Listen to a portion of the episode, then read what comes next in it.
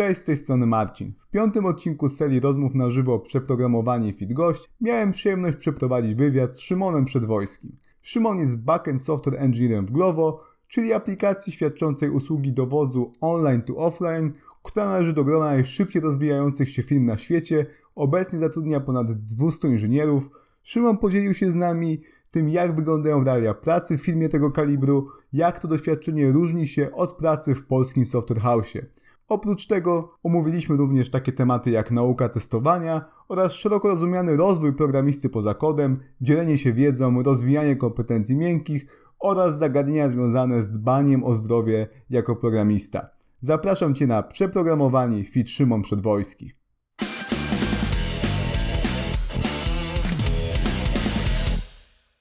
Czy masz jakąś taką swoją ulubioną technologię, czy to język, czy to framework, czy to bibliotekę?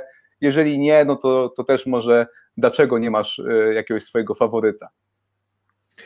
Wiesz co, miałem już styczność z różnymi technologiami. Niektóre bardziej mi przypadły do gustu, inne mniej. I chyba jak tak sobie pomyślę, to chyba jednak Java i ten cały ekosystem Javowy jest mi najbliższy, e, bo też zaczynałem takie bardziej poważne projekty na studiach właśnie od Java, to były, to były wtedy aplikacje androidowe, potem przyszedł czas bardziej na tą Java webową, gdzieś po prostu e, z tym ekosystemem jestem najdłużej, też, też najbardziej jestem zżyty, ale e, miałem też epizod z frontendem, z React, wtedy bardzo mi się, bardzo mi się spodobał. E, do niedawna jeszcze pracowałem z Pythonem, który też ma swoje bardzo fajne zastosowania i w wielu, w wielu aspektach jest po prostu łatwiej w nim coś napisać niż w Java, dlatego no chyba ta Java gdzieś tam, ale nie jestem daleki od jakiegoś, wiesz, hejtowania jakichś konkretnych technologii, wszystko ma jakieś tam swoje miejsce, nie? Jasne. A powiedz mi, co w tej Javie tak najbardziej Ci przypadło do gustu, oprócz tej nostalgii, takich właśnie tych pierwszych projektów na studiach, czy jest coś, co tak w tej Javie się wyróżnia na tle innych języków dla Ciebie? Wiesz co, na pewno w porównaniu do właśnie JavaScriptu i Pythona chociażby, no to jest jednak to statyczne typowanie które, mm. które dla mnie jest naprawdę y, ważne i mm, pomaga mi tworzyć po prostu mm, soft, co do którego jestem, jestem pewniejszy trochę. Y, plus, y, plus jest coś takiego, że jednak dużo tego świata, dużo ludzi znanych ze świata javowego um, głosi takie, takich, wiesz, znanych postaci na całym świecie, typu Uncle Bob, e, głosi właśnie te różne praktyki dotyczące Java, znaczy dobre praktyki dotyczące programowania, bardzo często pokazując to na przykładzie Java, więc też e, wydaje mi się, że w świecie Java jest dzięki temu dużo ludzi, którzy też znają i stosują dobre praktyki, więc e, no muszę przyznać, że chyba ogólnie tak e, kod Javowy, z którym pracowałem, był chyba w najlepszej jakości w porównaniu z innymi codebase'ami. Tak, to się zgadza. To jakby, tak jak mówisz, bardzo dużo tych takich klasyków jak czysty kod, tam są przykłady w Javie i siłą rzeczy na pewno E, najwięcej Javowców ma e, z tym styczność. Ja zawsze jak tą książkę polecam, a większość moich odbiorców to są programiści JavaScript, no to jest pytanie, no ale tam są przykłady w Javie, jak ja w ogóle mam się z tą książką zapoznać. No prawda jest taka, pewnie też tak uważasz, że e, to, to nie jest takie fundamentalne w tej książce, że, że te przykłady są w Javie, no bo łatwo to można jakby przenieść na grunt innych języków, no ale mimo wszystko to jakby zwiększa dostępność tych takich super dobrych praktyk dla programistów Java. Tak, jasne, to są pewne uniwersalne zasady, ale no JavaScript z kolei ma ten dużo tego, tego funkcyjnego aspektu, który też rządzi się trochę innymi prawami. E, Python ma też swoje paradygmaty, więc też e, ja na przykład na początku w Pythonie trochę taki błąd, błąd popełniałem, że starałem się właśnie takie paradygmaty javowe, obiektowe 100% przenosić, a jednak Python ma swoje, swoje mm, e, zasady i, i, i, to nie wszystko właśnie jeden do jednego się da, nie? I nie wszystko się powinno. Jasne, jasne. To bardzo często też widać, jak ktoś właśnie przyjdzie z takiego typowo obiektowego języka jak Java do JavaScriptu i próbuje implementować e, dziedziczenie jeszcze tam bez użycia tego e, syntaksu klas. To jest po prostu bardzo ciężkie, niepotrzebne, e, bo gdzieś tam prototypami, funkcjami można takie problemy rozwiązać dużo wygodniej, łatwiej. No więc trzeba na to uważać, każdy język jest specyficzny. No tym niemniej moim zdaniem czysty kod warto przeczytać niezależnie od tego, w jakim języku się pisze. Siemano Przemo i tym pozytywnym akcentem, jeżeli jest z nami Przemek, to myślę, że możemy zaczynać. Szymon, czy chcesz się przedstawić, czy mam Ci jednak zaoszczędzić tej wątpliwej przyjemności i powiedzieć kilka słów o Tobie? W sumie ciekawa propozycja. Chętnie usłyszę z Twoich ust, jakbyś mnie opisał. Szymon, super gość. Rozmawiamy ze sobą od pół godziny, ale znamy się już trochę dłużej. Szymon jest backend software engineerem w Glovo. Aplikacja myślę, że wszystkim bardzo dobrze znana, a jeżeli nie, no to Szymon już niedługo opowie coś więcej na jej temat. Jeżeli chodzi o to, jak to w ogóle się stało, że Szymon się znalazł jako gość w naszej serii, no Szymon bardzo chętnie dzieli się wiedzą, czy to na YouTubie, na kanale u mnie działa, czy to na blogu u mnie działa.com, czy to występując na, konferen na konferencjach i prelekcjach, więc tak jak mnie i Przemka pasjonuje go dzielenie się wiedzą, dlatego uważam, że jest świetnym gościem, który może wnieść dużo wartości w tej rozmowie, a tematem przewodnim tej rozmowy będą realia pracy w Glovo, w bardzo dużej firmie, która świadczy usługi online to offline. Ile macie inżynierów w firmie? Szymon, przypomnij. Wiesz co, teraz już ponad 200 i, i ta liczba cały czas rośnie. No to jest, to jest niesamowita skala. Ja osobiście w takiej firmie nigdy nie pracowałem i nawet nie znam osobiście nikogo, kto by w takiej firmie pracował, więc sam po prostu nie mogę się doczekać tego, o czym Szymon będziesz mówił. Oprócz Glovo będzie również temat testowania oprogramowania. To jest temat, który wielu widzów naszego kanału pasjonuje. Bartek Mazur, który widziałem, jest tutaj z nami, często pytania zadaje w temacie testowania, więc Bartek, jeżeli masz jakieś pytania, no to myślę, że Szymon chętnie na nie odpowie. I na końcu, jeżeli starczy czasu, zahaczymy również o temat zdrowia w życiu programisty, jak o to zdrowie dbać, bo to jest również coś, czym Szymon się interesuje i czym chętnie się z nami podzieli swoją wiedzą na ten temat. Dobra, Szymon, ale zacznijmy od początku. Jak to się stało, że ty zostałeś programistą? Studia, nie studia, pierwsza praca. Opowiadaj, oddaję tobie głos. Dzięki Marcin za super wstęp, miód na moje serce, naprawdę. Sam bym tego lepiej nie powiedział, muszę przyznać. Okej, okay, więc jeśli chodzi o moją karierę, powiedzmy szumnie to nazwijmy, no nie jest to ścieżka taka typowa, która gdzieś tam się przewija w branży, że ktoś, wiesz, dostał komputer, pierwszy jakiś Atari czy Commodore w wieku, wiesz, tam 7 lat zaczął przepisywać jakieś, wiesz, gry z, z jakichś magazynów i tak dalej. Ja tak, przyznam, tak. Że, że, że kiedyś tam, mój tata jest ogólnie informatykiem, takim bardziej, bardziej od sieci i mieliśmy komputer już dosyć wcześnie w domu, ale jak miałem 5 lat, to na przykład mam takie wspomnienie, że coś tam piszę w DOSie w terminalu i tam proszę tatę, żeby przeczytał, co ja napisałem, a to wiesz, jakieś losowo wpisane klawisze, więc, więc takie były moje początki. Wolałem, wolałem raczej jakieś gierki uruchamiać niż tam się, się interesować jak coś działa pod spodem. Także gdzieś tam w gimnazjum był epizod trochę ze stronami, e, stronami www, ale to na zasadzie po prostu zwykłego HTML-a i, i bardziej pamiętam, że przepisywałem jakieś wywiady z gazet sportowych, a to może jeszcze w podstawówce, e, do, do tego pajączka, czy tam Microsoft Front Page, ten odpowiednik taki, nie? Więc to w ogóle jakby nie miało nic wspólnego z programowaniem, także ja poszedłem taką ścieżką edukacji całkowicie ogólnej e, i też zainteresowań jakby ogólnych, aż do studiów, gdzie no trochę e, ślepym trafem ostatecznie wylądowałem na Politechnice, e, chociaż uważałem się przez większość szkoły za, za osobę bardziej humanistyczną, ale trochę głosem rozsądku, trochę podpowiedziami też starszych kolegów jednak, jednak zdecydowałem się iść na Politechnikę. No i, i, i, tak się, i tak się to zaczęło. To był co prawda kierunek na studiach inżynierskich elektronika i telekomunikacja, więc nie typowo taki informatyczny, chociaż e, to były studia po angielsku i co ciekawe nazwa angielska tego kierunku miała w sobie człon computer science, mimo że okay. po polsku tego nie było, więc trochę programowania tam, tam było, no i tam tak naprawdę takie pierwsze linijki kodu e, się pojawiły. Okej, okay, no to podobnie jak ja, ja studiowałem teleinformatykę, więc to też są jakby podobne tematy do elektrotechniki.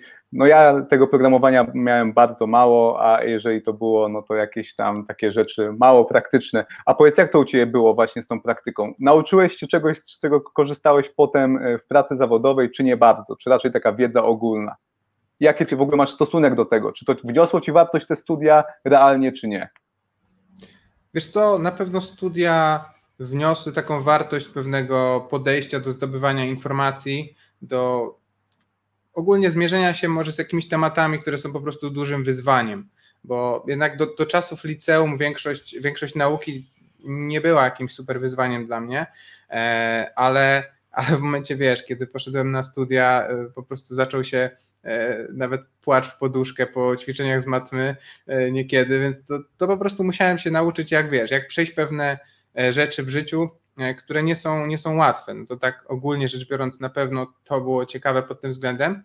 Jeśli chodzi typowo o, o IT, to na pewno niezłe fundamenty z języka C dostałem. Miałem takiego bardzo wymagającego e, wykładowcę właśnie od C. I, ale jeżeli chodzi o, o dalsze takie już języki, powiedzmy, częściej stosowane, czyli JavaScript, Java, to, to było raczej tak, że mieliśmy projekty, na których e, mieliśmy zrealizować jakieś funkcjonalności. Natomiast e, no, to, jak, że, to, że my się nauczymy języka, żeby to napisać, to raczej było już po naszej stronie. Więc, jasne, jasne też mogę powiedzieć, że większość tak naprawdę e, rzeczy związanych z programowaniem nauczyłem się gdzieś tam samemu, czy, czy to po prostu robiąc sobie projekty na boku, czy robiąc projekty na uczelnię, ale, ale wiesz, stricte jakby jak zdobyć skille, żeby te projekty dowieść, no to musiałem je zdobyć samemu. No spoko. I jakby wydaje mi się, że to jest klasyka, jeżeli chodzi o studia informatyczne w Polsce i to jest jak najbardziej ok, jeżeli się nie ma oczekiwań, że człowiek będzie od razu super programistą, kiedy dyplom dostanie, to może mieć pozytywny stosunek do studiów. A powiedz mi, jak to było y, z pierwszą pracą? Czy ty już zacząłeś pracować w trakcie studiów, czy, czy podjąłeś pierwszą pracę, jak skończyłeś studia? Pierwsza praca to w zasadzie, mm, może pierwszy kontakt z, w ogóle z pracą dla kogoś to były praktyki, które musiałem odbyć. Okay. I akurat u mnie tak się zdarzyło, że ja byłem na trzecim roku, cały rok e, studiów na Erasmusie w, w Paryżu. Mm, okay. I tam się bardzo, bardzo fajnie złożyło, że pa, pani wykładowczyni, u której, e, której jeden projekt realizowałem, miała też swoją taką firmę, e, gdzie, gdzie właśnie mm, tworzyła aplikacje głównie, głównie mobilne. I ona po prostu zgodziła się mnie i jeszcze, jeszcze jednego kolegę, e, który był w tym projekcie, wziąć potem na parę tygodni na praktyki. Także, także bardzo fajnie wyszło. Robiłem praktyki w 16 dzielnicy Paryża, także bardzo, bardzo takiej ekskluzywnej. O. No, ale to wiesz, to była taka pierwsza zajawka, tam e, też ciężko trochę mówić o dobrych praktykach, bo nawet e, nie korzystaliśmy z kontroli wersji, tylko wiesz, ten taki e, memiczne przerzucanie mm, kodu na pendrive to naprawdę się odbywało. Ale pierwsza taka prawdziwa praca już była na studiach magisterskich. I, i to było w Łodzi, właśnie tam, gdzie studiowałem, z tym, że ja sobie wymyśliłem, że, bo, bo studia jednak były dosyć angażujące, ja też mi ciężko było też tak e, trochę olewać niektóre przedmioty, więc raczej starałem się przykładać, więc wymyśliłem sobie, że chcę pracować, ale na dwie piąte etatu tylko. Okay, Co jakby okay. z dzisiejszej perspektywy, jak już wiesz, jestem w branży i tam e, siedzę w projektach, no to wiem, że po prostu mieć gościa w projekcie na dwie piąte, to praktycznie jest e, no, no mała, mała w ogóle, mały zysk dla projektu, nie? No tak, bo usiądziesz i wychodzisz, nie? No tak naprawdę, to jakby nie ma czasu, żeby wejść w ten deep work, nie? Trochę tak. No natomiast było tak, że y, dlatego wiele firm jakby nie, nie chciało mnie wziąć, a w końcu jedna firma mi dała szansę, y, bo i de facto się skończyło tak, że chyba z trzy miesiące pracowałem na te dwie piąte etatu, potem przyszły wakacje, więc pracowałem na full, a potem znowu po wakacjach tam na już trzy piąte, czy potem cztery piąte, więc y, jakby oni zainwestowali w te dwa, trzy miesiące mojej pracy na, na, na dwie piąte etatu, a potem już mnie mieli na, na rozsądną jakąś, wiesz, ilość. Okej, okay, okej. Okay. E, no to super. E, jakby to też jest mega wartość w studiach, że miałeś okazję wyjechać do, do Francji, e, tam się załapać na te pierwsze praktyki. To są takie doświadczenia, które ciężko złapać gdzieś tam, kiedy tych studiów nie ma. Nie? Mimo wszystko ja bym w tym upatrywał największą wartość. Tak, o. szczególnie, że no, akurat specyfika tych szkół we Francji jest taka, tych szkół technicznych, że one zupełnie mają inny profil niż, niż w Polsce. E, to znaczy, tam szkoły techniczne mają bardzo dużo e, powiązania z biznesem i z branżą. Okay. To się objawia pod kilkoma aspektami. Po pierwsze, wykładowcy bardzo często to są ludzie, którzy na co dzień mają swoje firmy albo pracują w branży i oni po prostu znają, znają realia pracy. Na przykład telekomunikację wykładał mi gość, który pracował w takim urzędzie państwowym do spraw przydzielania częstotliwości nie? różnym tam podmiotom. Albo od sieci był wykładowca, który, który kładł po prostu pierwszą sieć internetu we Francji, tam gdzieś w latach 80. czy 90., nie? Więc to byli naprawdę ludzie, ludzie, którzy wiedzieli o czym mówią i to było bardzo fajne. A po drugie, były też często zajęcia takie właśnie y, od tej, tej, perspektywy biznesowej. Miałem na przykład cały tydzień takiej symulacji działania firmy w ogóle, gdzie, gdzie, gdzie po prostu w przyspieszonym trybie jakby różne rynkowe rzeczy były symulowane, musieliśmy na to reagować i tak dalej. No i też przy, przy szkole jest inkubator, z którego wiele, wiele po prostu studentów zaczyna, zakłada tam swoje firmy zaraz po studiach i, i, i potem e, powstają z tego startupy i tak dalej. Także, także zupełnie inne myślenie o tej e, technologii jako właśnie środku do tak naprawdę z, zrobienia czegoś, zrobienia jakiegoś biznesu, a nie tylko jako cel sam w sobie. Super, no brzmi to mega ciekawie i to jest co ciekawe też podobne do, do tego, co mówił Karol Pasierb y, na bazie swojego doświadczenia ze studiów ze Szkocji. Wygląda na to, że jeszcze w Polsce dużo się możemy nauczyć y, od Zachodu, jeżeli chodzi o te studia wyższe. No, trzymam kciuki za naszą kadrę akademicką, żeby jednak to zaczęło e, przypominać tą sytuację we Francji, w Szkocji. Dobra, e, Szymon, powiedz mi, e, no bo już trochę czasu od kiedy skończyłeś studia minęło, co tam się działo, na, pomiędzy, znaczy pomiędzy tym, jak zdobyłeś dyplom magistra, a do teraz, gdzie pracujesz w Glovo? Okej, okay, no w takim telegraficznym skrócie, zaraz po studiach przeprowadziłem się do Warszawy i dalej tu mieszkam. Przewinąłem się przez kilka firm, przy czym głównie to były firmy typu Software House, aż do, aż do Glovo właśnie. Także realizacja projektów, projektów webowych głównie dla E, dla różnego rodzaju klientów.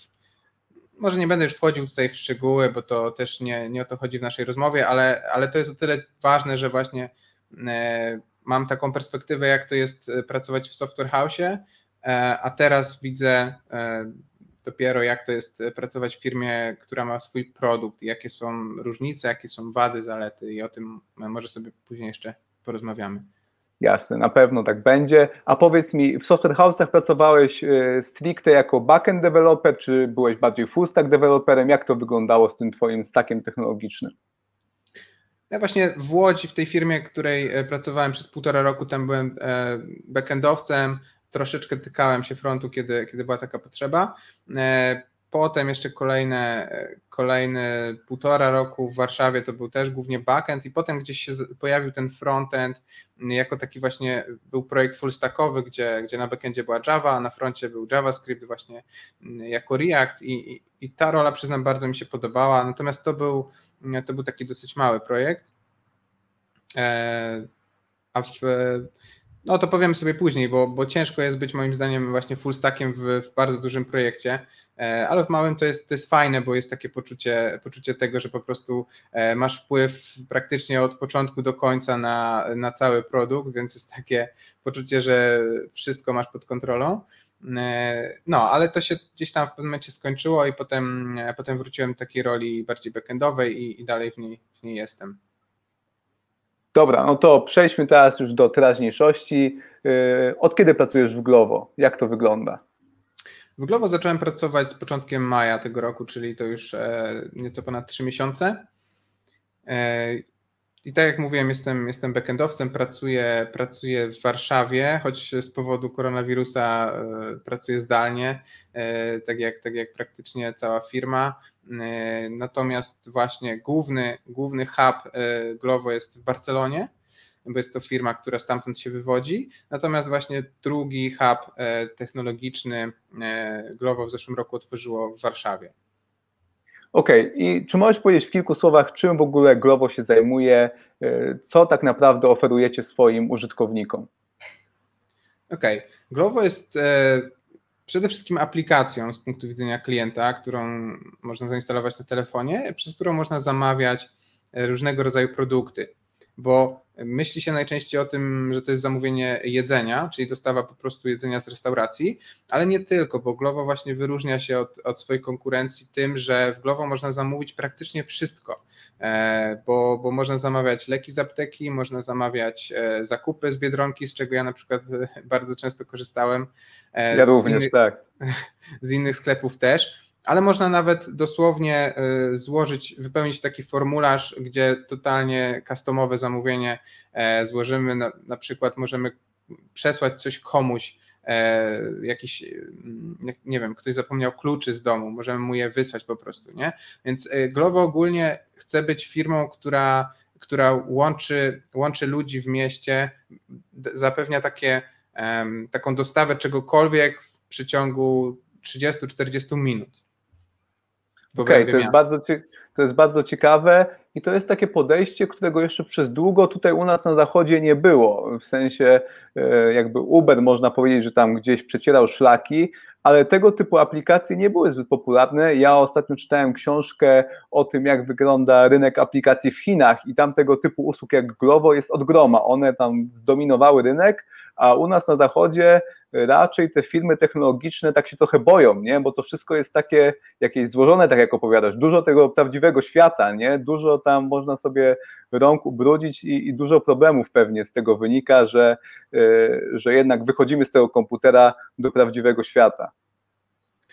No na pewno ten poziom skomplikowania rośnie, bo gdzieś tam e, budując rozwiązania typu SaaS czy, czy jakiego czy jakieś inne aplikacje, które, które działają całkowicie w, w elektronicznie, czyli nie wiem, aplikacje typu, typu notatnik, Evernote, to-do lista, czy, czy oczywiście bardziej skomplikowane, ale tego typu aplikacje, gdzieś tam e, fizyczny świat oczywiście może też wejść nam w grę, tak? Coś, może, kabel od internetu być ucięty, czy coś takiego, ale jest dużo mniej takich, e, takich rzeczy, z którymi musimy się zmierzyć, prawda? Natomiast tutaj mamy tak naprawdę trzy strony e, operacji, bo mamy y, klienta, który coś zamawia, mamy e, partnera, czy to jest restauracja, czy sklep, czy apteka, który, który jakiś produkt e, oferuje i mamy kuriera, który ten produkt dostarcza, czyli mamy trzy elementy takiej fizycznej układanki, które trzeba ze sobą bardzo precyzyjnie zgrać, żeby to wszystko działało jak w zegarku.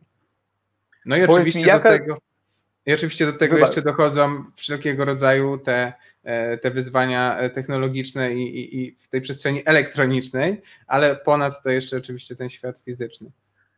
To jest niesamowite, a zwłaszcza pewnie przy tak dużej skali, z jaką wy macie e, do czynienia. Czy jesteś w stanie powiedzieć tak plus minus, jaka to jest ilość zamówień, takich interakcji w skali dnia bądź miesiąca? Mhm.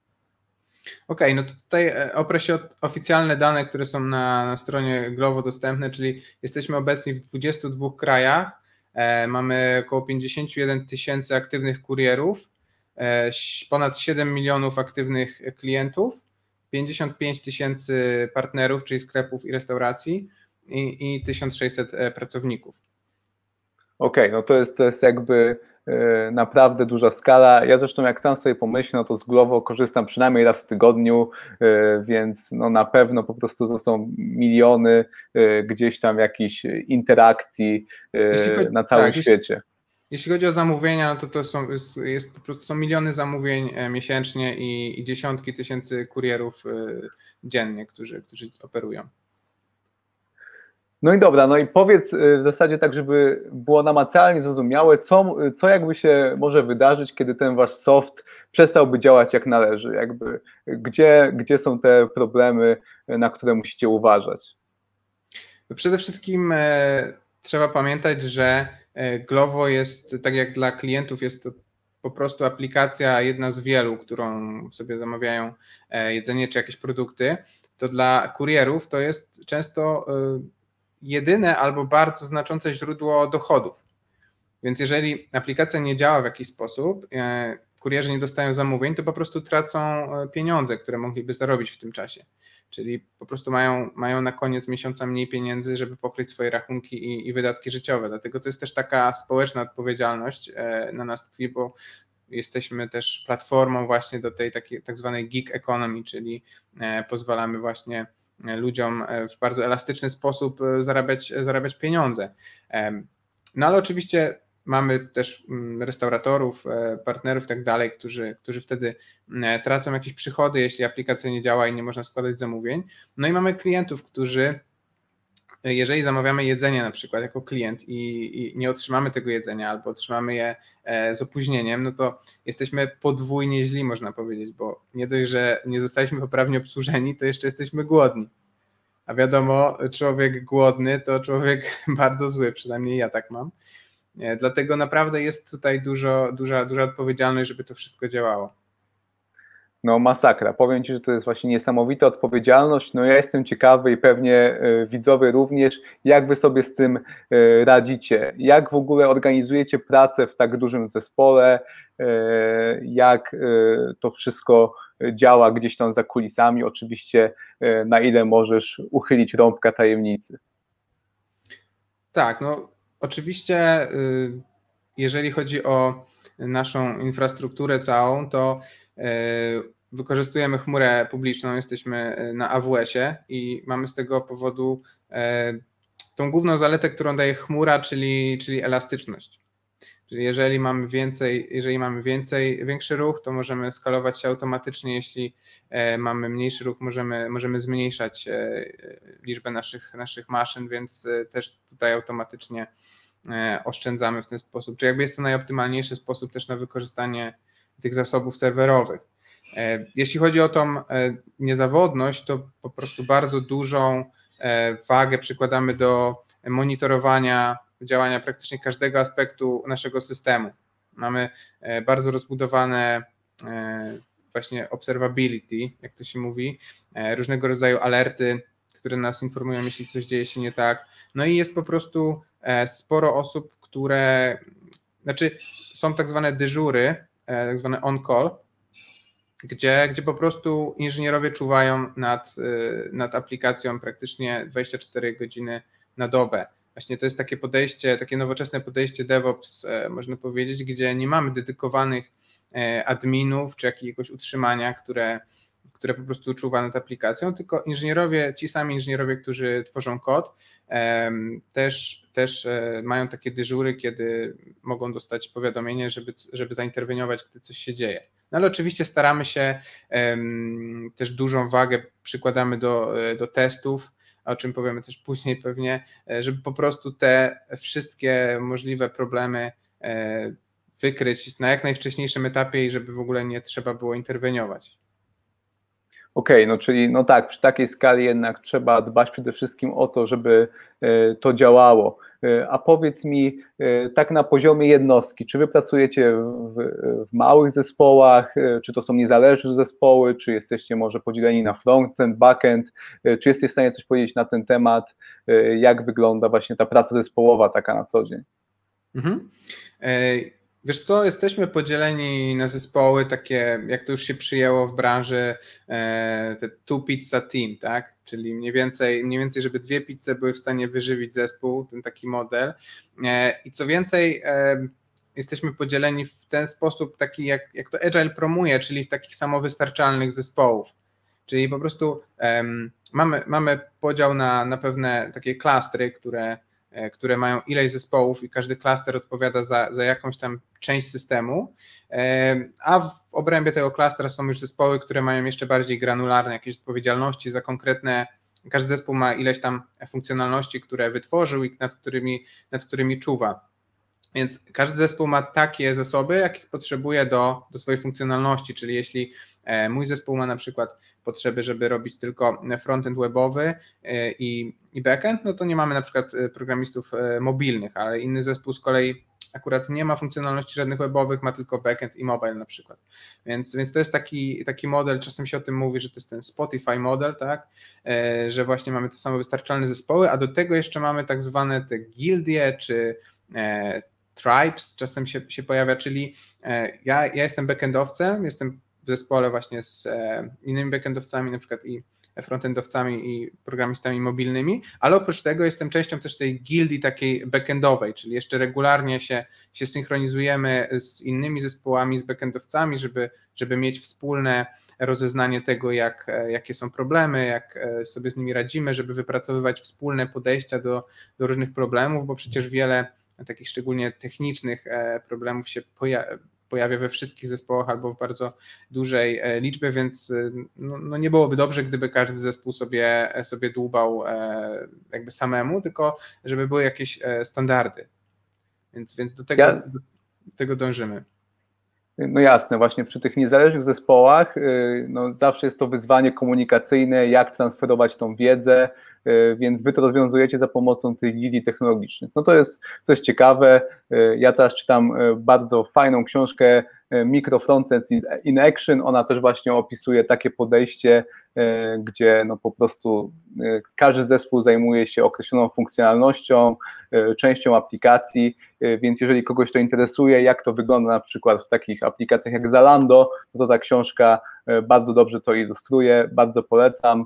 Micro Frontends in Action, być może coś się na kanale na ten temat pojawi, ale wracamy do Glovo, a powiedz mi, jak to wygląda, macie ten klasyczny Agile, Scrum, jakieś sprinty, postmortem, jak to wygląda, jak się uczycie, jak planujecie pracę i potem jak się uczycie na, na błędach, które no, siłą rzeczy zawsze gdzieś tam się pojawią. E, tak, mamy, mamy zespoły właśnie agile'owe. Z tego co wiem, to jest, e, jest taka dowolność, powiedzmy, jaki tam framework e, zespół sobie przyjmie. Mój zespół akurat pracuje w Scrumie, mm, także, także mamy, mamy sprinty, mamy wszystkie elementy, które, które w, sprint, w mm, Scrumie są, czyli planowanie, refinementy, daily, retro.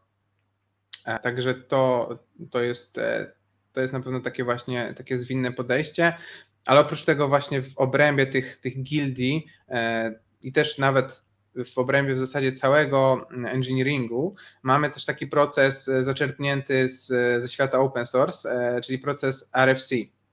To jest skrót od e, Request for Comments i to jest bardzo częsty proces w świecie open source. Jeśli ktoś chce wprowadzić jakieś, jakieś poprawki w jakimś projekcie, to po prostu produkuje taki dokument, w którym opisuje e, proponowane zmiany. No i tam zaczyna toczyć się dyskusja, która w pewnym momencie jest podsumowywana jakimiś, jakimiś action pointami i one są wdrażane. I, I my właśnie ten sam sposób też e, wszystkie poważniejsze zmiany właśnie konsultujemy e, w obrębie całego engineeringu, to jest wszystko transparentne, każdy może się wypowiedzieć i tylko po prostu ktoś bierze na siebie ten, ten wysiłek, żeby to drive'ować tą dyskusję jakoś to podsumować potem i, e, i rozpisać te action pointy. Także e, to jest na pewno, na pewno cenne, bo, bo to właśnie jest też element wymiany wiedzy, ale też element takiego, takiej burzy mózgów, żeby po prostu e, nie, nie myśleć o pewnych rozwiązaniach gdzieś tam w ukryciu, a może ktoś za rogiem ma, ma lepszy pomysł, tylko nie, nie wie w ogóle, że taka dyskusja się toczy.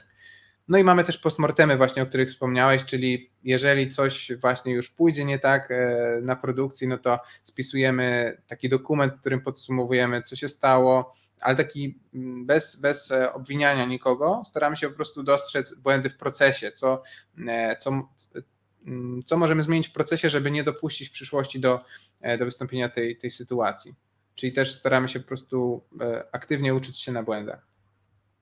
Super, super. No, wygląda jakby to było naprawdę u Was fajnie poukładane, zresztą przy takiej skali chyba inaczej być nie może. A powiedz mi, jak wygląda ten temat y, y, wdrażania zmian na produkcję, y, wszelkiego rodzaju releasy, jak sobie radzicie z tym tematem? OK, generalnie mamy proces e, continuous deployment, czyli, czyli coś, czego się trochę obawiałem e, dołączając, no bo E, po prostu nie ukrywając, każdy, każdy commit, który zostanie, każdy pull request, który zostanie zaklepany mm, w code review, e, przejdą testy, jest zmerdżowany do, do, do, do głównej gałęzi i leci na produkcję. Czyli wiąże się z tym bardzo dużo, bardzo dużo wyzwań. Trzeba troszeczkę zmienić myślenie o, o dostarczaniu feature'ów, e, bo oczywiście to, że nasz kod ląduje zaraz po zmerdżowaniu na produkcji, wcale nie musi i nie powinno oznaczać, że e, funkcjonalność, którą właśnie tworzymy, powinna od razu być e, dostępna. Mhm. Czyli, czyli właśnie to jest to rozdzielenie e, fizycznego wdrożenia kodu od release'u jakiejś funkcjonalności, nie? I żeby to osiągnąć, no my stosujemy tak zwane feature flagi. Okay. Czyli, czyli po prostu mamy w panelu, w panelu odpowiednim administracyjnym mamy, mamy takie, takie togle, takie switche, które, które możemy sobie przestawiać i one po prostu odblokowują odpowiednie ścieżki w kodzie i w ten sposób dopóki funkcjonalność nie jest w pełni wydevelopowana, to E, to ona jest tym feature togglem zablokowana na, na produkcji i dopiero e, kiedy padnie biznesowa, jest techniczna decyzja, że wszystko jest zrobione, padnie biznesowa decyzja, że e, włączamy, to wtedy włączamy. Natomiast daje nam to no na pewno to chociażby, że że po prostu nie mamy tych takich długo żyjących feature branchy, tak? I nie ma potem tych takich problematycznych merge, że rozwijamy jakąś funkcjonalność miesiąc czy dwa i potem nagle wielkie merge, a tu jeszcze ktoś zrobił refactoring w międzyczasie, tylko po prostu co e, najdłużej kilka dni e, pull request jest poza tym, e, jest poza masterem. No dobra, ale skoro tak często dzieją się te E, merge do mastera, to powiedz, jak dbacie o to, żeby jednak tych błędów było jak najmniej i żeby to oprogramowanie, kiedy ten toggle feature'a zostanie e, włączony na on, żeby to wszystko działało jak należy i żeby użytkownicy byli zadowoleni.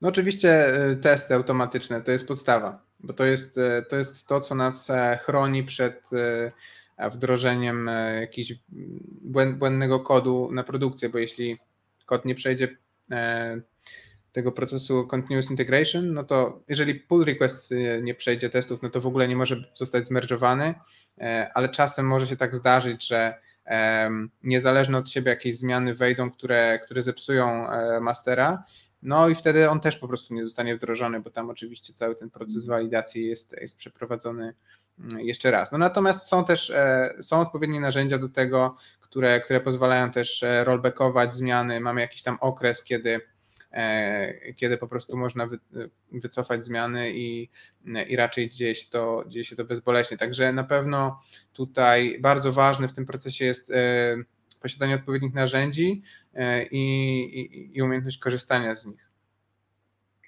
Okej, okay. a powiedz mi, bo tutaj Przemek ma pytanie, jak sobie radzicie z integracjami technicznymi? No bo ciężko jakby obsłużyć te wszystkie niezbędne technologie. E, jeżeli jesteś w stanie odpowiedzieć na pytanie, czy macie jakichś partnerów, czy wszystko robicie in-house, no to z chęcią byśmy o tym usłyszeli. E, przyznam szczerze, że nie mam nawet takiej, takich dokładnych jakichś informacji, którymi mógłbym się podzielić, bo E, bo po prostu jeszcze takich e, fragmentów kodu nie dotykałem e, przez moją trzymiesięczną na razie przygodę, ale oczywiście wykorzystujemy integrację z zewnętrznymi usługami, jak Oczywiście mam, korzystamy z bibliotek różnych zewnętrznych, no i też korzyst, mamy integrację z, z różnymi partnerami, i, i, także, także jak najbardziej. Nie wiem, czy to pytanie jest jakby w kontekście continuous deployment, czy tak ogólnie, ale jakby nie wpływa to na continuous deployment za bardzo z, z tego, z tego co, co mi się wydaje na ten moment. Okej, okay, dobra. E, a powiedz mi, no bo opisałeś mniej więcej, jak wygląda ta rzeczywistość e, pracy w tak dużej firmie i jak to się wszystko pokrywa z tym, z czym miałeś do czynienia gdzieś tam wcześniej, e, w software house'ach i w ogóle na przestrzeni swojej kariery. No właśnie, to jest, to jest naprawdę duża zmiana. Oczywiście pracy w Software House też e, się od siebie różnią, bo czasem w Software House jesteśmy bliżej tego biznesu, bliżej klienta, czasem, czasem dalej, czasem Software House nawet mają jakieś swoje produkty i wtedy można powiedzieć, że to jest też trochę tak jak praca e, w firmie produktowej. E, no ale ja, takie moje doświadczenia z pracą w Software House, to większość projektów była jednak taka, że byliśmy dosyć daleko jako programiści od, od faktycznej produkcji. I to było też coś, czego ja bardzo szukałem e, przy zmianie pracy, żeby, żeby właśnie być bliżej tego, tej produkcji, faktycznych użytkowników, też bliżej biznesu, bo w Software House często po prostu jesteśmy oddzieleni gdzieś tam tą warstwą e, project managerów i, i klient jest e, takim bytem trochę rozmytym, a użytkownik też, bo, bo, bo u mnie było często tak, że po prostu na przykład nie mieliśmy dostępu do produkcji, tylko logi spływały w jakichś, wiesz, plikach tekstowych od okay. adminów, wiesz, wdrożeniami też zajmowali się administratorzy po stronie, e, po stronie klienta, więc wtedy e, programiści żyją w takiej trochę bańce i jest często taki mm, trochę może błąd, w który ja też wpadałem, właśnie takiego traktowania tego kodziku jako największe, największe dobro, nie? jako taki cel sam w sobie. I wtedy się pojawiają takie ciągoty, jak, jak właśnie takie mm, refaktoryzowanie wszystkiego, jak przepisywanie wszystkiego i tak dalej, bo to się pojawia wtedy, kiedy programiści nie mają odpowiedniego kontekstu e, biznesowego, w jakim ich kod funkcjonuje. I tutaj praca właśnie w firmie produktowej, czy, czy, czy nawet w software house, jeśli mamy możliwość bycia dużo bliżej tych klientów i użytkowników, co wiem, że w wielu firmach ma miejsce, daje takie e, spojrzenie, że ok, nasz produkt e, jakby przede wszystkim działa po to, żeby zarabiać jakieś pieniądze, i w tym kontekście wszystko trzeba oceniać, czy, czy też refactoring, czy, czy dług technologiczny i tak dalej. Wszystko ma swoje konsekwencje po prostu finansowe i, i to daje, czy, czy właśnie też downtime, tak, ma też konsekwencje finansowe, więc to daje takie moim zdaniem e, fajne spojrzenie, że, że po pierwsze, że nasz kod wpływa właśnie na życia, na życia różnych ludzi, i dowozi wartość, ale po drugie, że no nie możemy myśleć tylko, że, że kodzik ma być idealny, bo, bo tak, bo, bo Uncle Bob tak powiedział, tylko musimy się, się spytać, czy ok, czy to, że go teraz refaktoryzujemy na przykład, czy to da nam e, szybszą, możliwość szybszych szybszego wprowadzenia zmian, co z kolei w perspektywie kilku miesięcy na przykład da nam, e, zwiększy nam przychody, nie?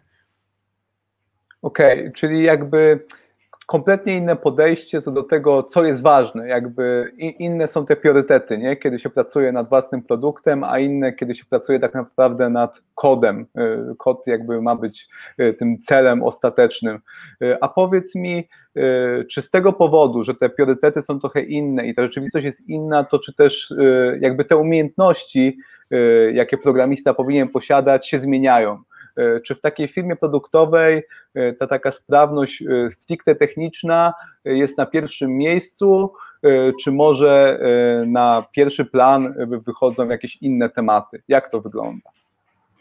No właśnie, wiesz co, wydaje mi się, że w firmie produktowej ważne jest takie też chociaż, chociażby w małym stopniu, ale zrozumienie biznesu, w jakim działamy, żeby móc po prostu rozmawiać z product ownerami, z, z, z biznesem na temat tego, jak, jak te nasze rozwiązania wpływają na, jak, jak nasz kod wpływa na, na dowożenie tych funkcjonalności, tej wartości biznesowej.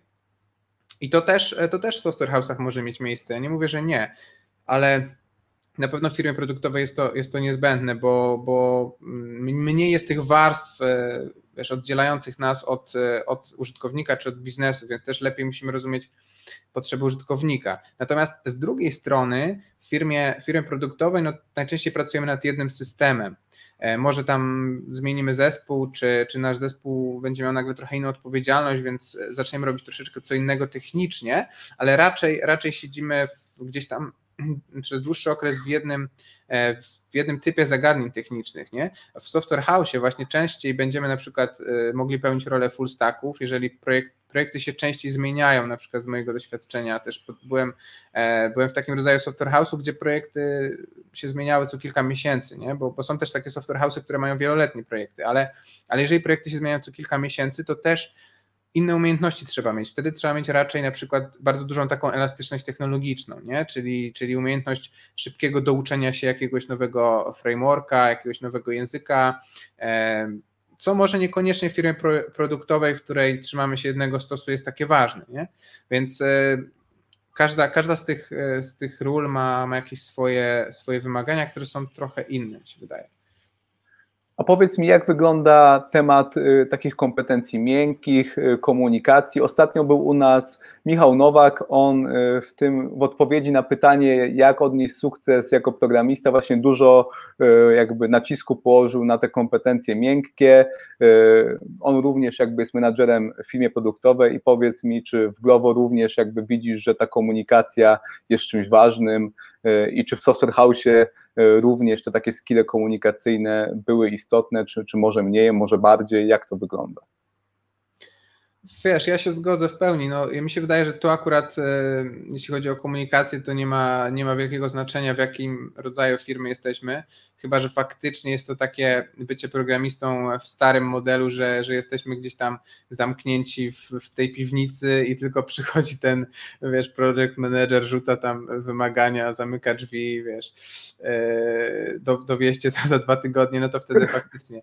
E, natomiast generalnie, generalnie u, mnie w każdej firmie ta umiejętność komunikacji miała znaczenie, bo to jest nie tylko umiejętność komunikacji, znaczy to się przydaje nie tylko przy komunikacji z e, osobami nietechnicznymi, żeby, żeby omawiać właśnie aspekty biznesowe, czy omawiać problemy użytkowników, bo to było u mnie i, i w Software House, kiedy rozmawiałem z klientami, i właśnie tutaj, kiedy rozmawiam z, z osobami odpowiedzialnymi za biznes, ale to ma zawsze też e, plusy, jeśli umiemy się dobrze komunikować, ma to plusy w, w rozmowach z innymi inżynierami, bo po prostu e, możemy, jeżeli umiemy e, się dobrze komunikować, e, umiemy dobrze słuchać, umiemy e, dobrze argumentować, mm, też jesteśmy po prostu sympatyczni, a nie jacyś gbrowaci, to dużo chętniej przekonamy ludzi do swoich pomysłów, będziemy mogli bardziej shape'ować e, to na przykład, w którą stronę, nie wiem, nawet technologicznie ma iść nasz projekt, czy, czy mm, właśnie jakiego rodzaju, nie wiem, e, języki wybrać, czy paradygmaty i tak dalej.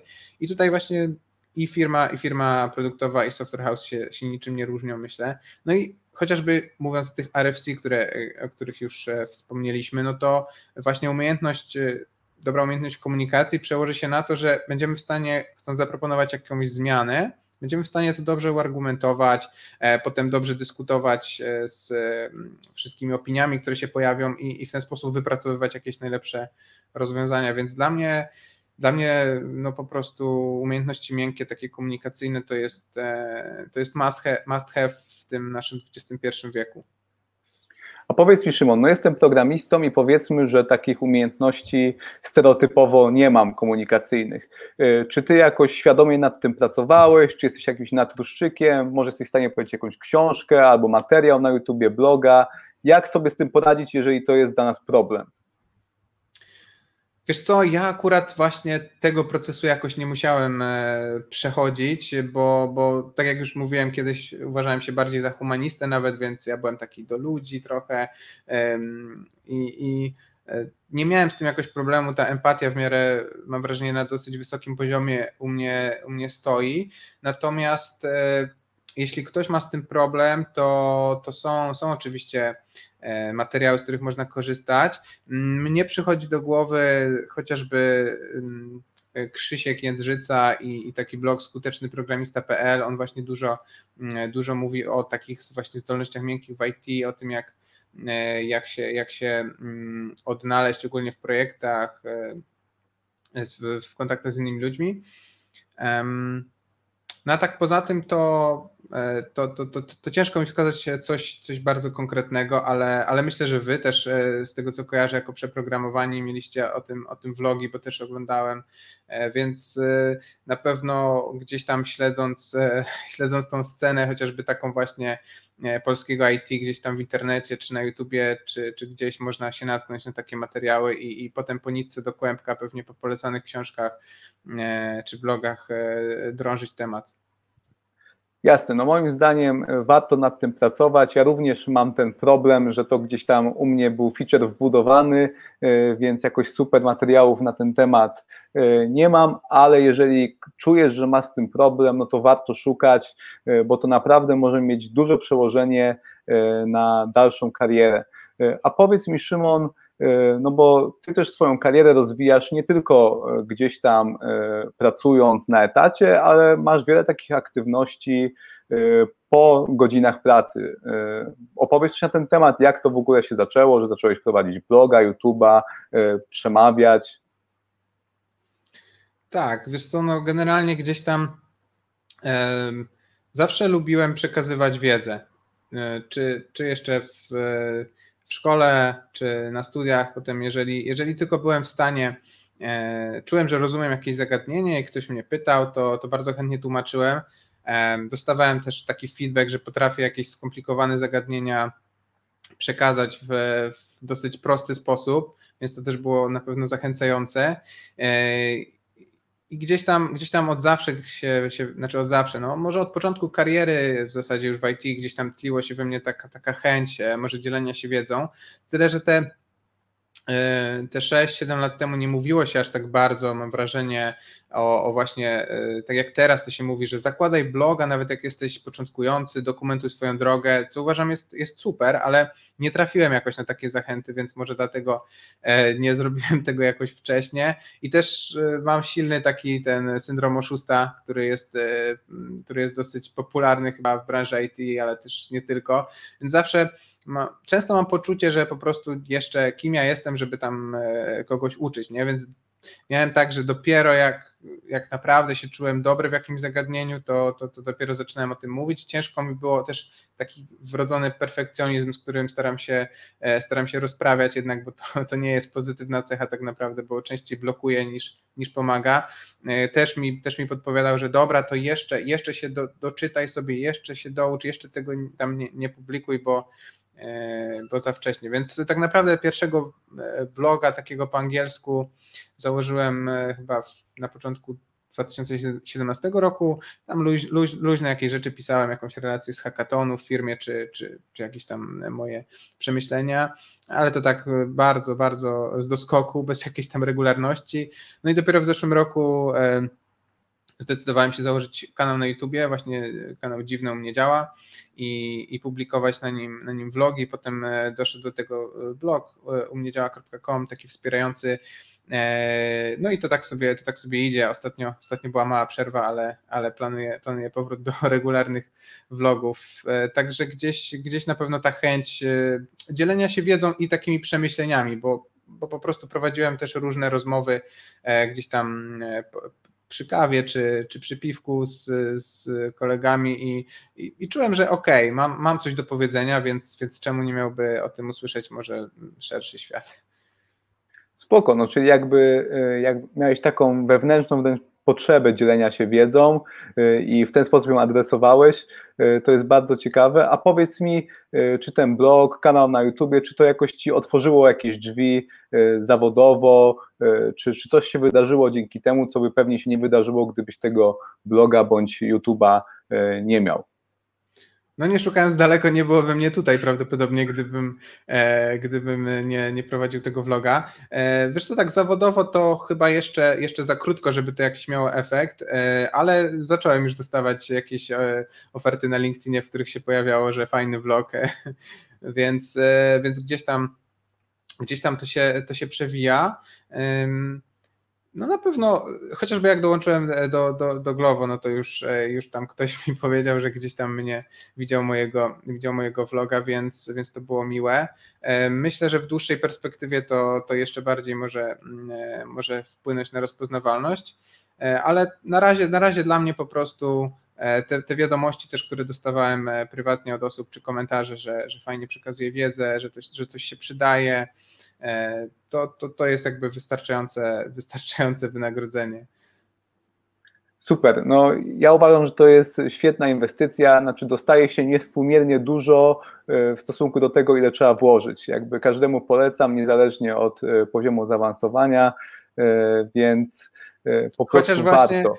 Chociaż właśnie muszę przyznać, że, że no, ja mam właśnie ten problem, że, że dużo czasu mi schodzi bardzo na te materiały, bo staram się je tak, e, tak, tak powiedzmy to dopieścić, choć, choć może i tak tego nie, e, nie czuję potem e, w tych efektach końcowych, ale na pewno, na pewno jeśli ktoś od, myśli o, o tym, to, to zalecałbym właśnie schowanie perfekcjonizmu gdzieś tam do szuflady, bo lepiej wrzucić artykuł, blog, blog posta z literówkami, e, z jakimś błędem, e, niż go, niż go nie wrzucić, bo po prostu najwyżej ktoś nam napisze komentarz e, wytykający błąd, my to poprawimy, przy okazji nawiążemy może jakąś ciekawą relację, więc ja, to jest coś, z czym ja się zmagam, ale na pewno głośno, głośno to polecam. To też zresztą wybrzmiewa w, w naszej tej w naszym IT, tym takim online'owym, chyba wszyscy to mówią, że, że po prostu e, wypuszczanie nawet e, materiałów nieperfekcyjnych jest, jest dużo lepsze niż, e, niż opóźnianie ich, czy nie wypuszczanie w ogóle. Dokładnie tak. No, ja jakby przez te kilka lat, no dwa czy trzy, kiedy publikuję te materiały w internecie, no to w taki bezpośredni sposób, yy, może na palcach jednej ręki policzę, żeby ktoś mnie skrytykował. Naprawdę ludzie na ogół są życzliwi i nawet jeżeli widzą niedoskonałości, to gdzieś tam na privie ci napiszą, że to możesz poprawić i jeszcze ci podadzą jakiś fajny artykuł, z którego możesz tą wiedzę swoją yy, poszerzyć, więc to naprawdę jest coś, czym warto się E, zająć, nawet jeszcze kiedy nie podjęliśmy pierwszej pracy, żeby dokumentować tą swoją naukę. E, moim zdaniem w obecnych czasach, kiedy ten rynek juniorów jest, no, no po prostu duża jest konkurencja na tym rynku, to to jest świetny sposób, żeby się wyróżnić i pokazać to swoje e, zaangażowanie w naukę.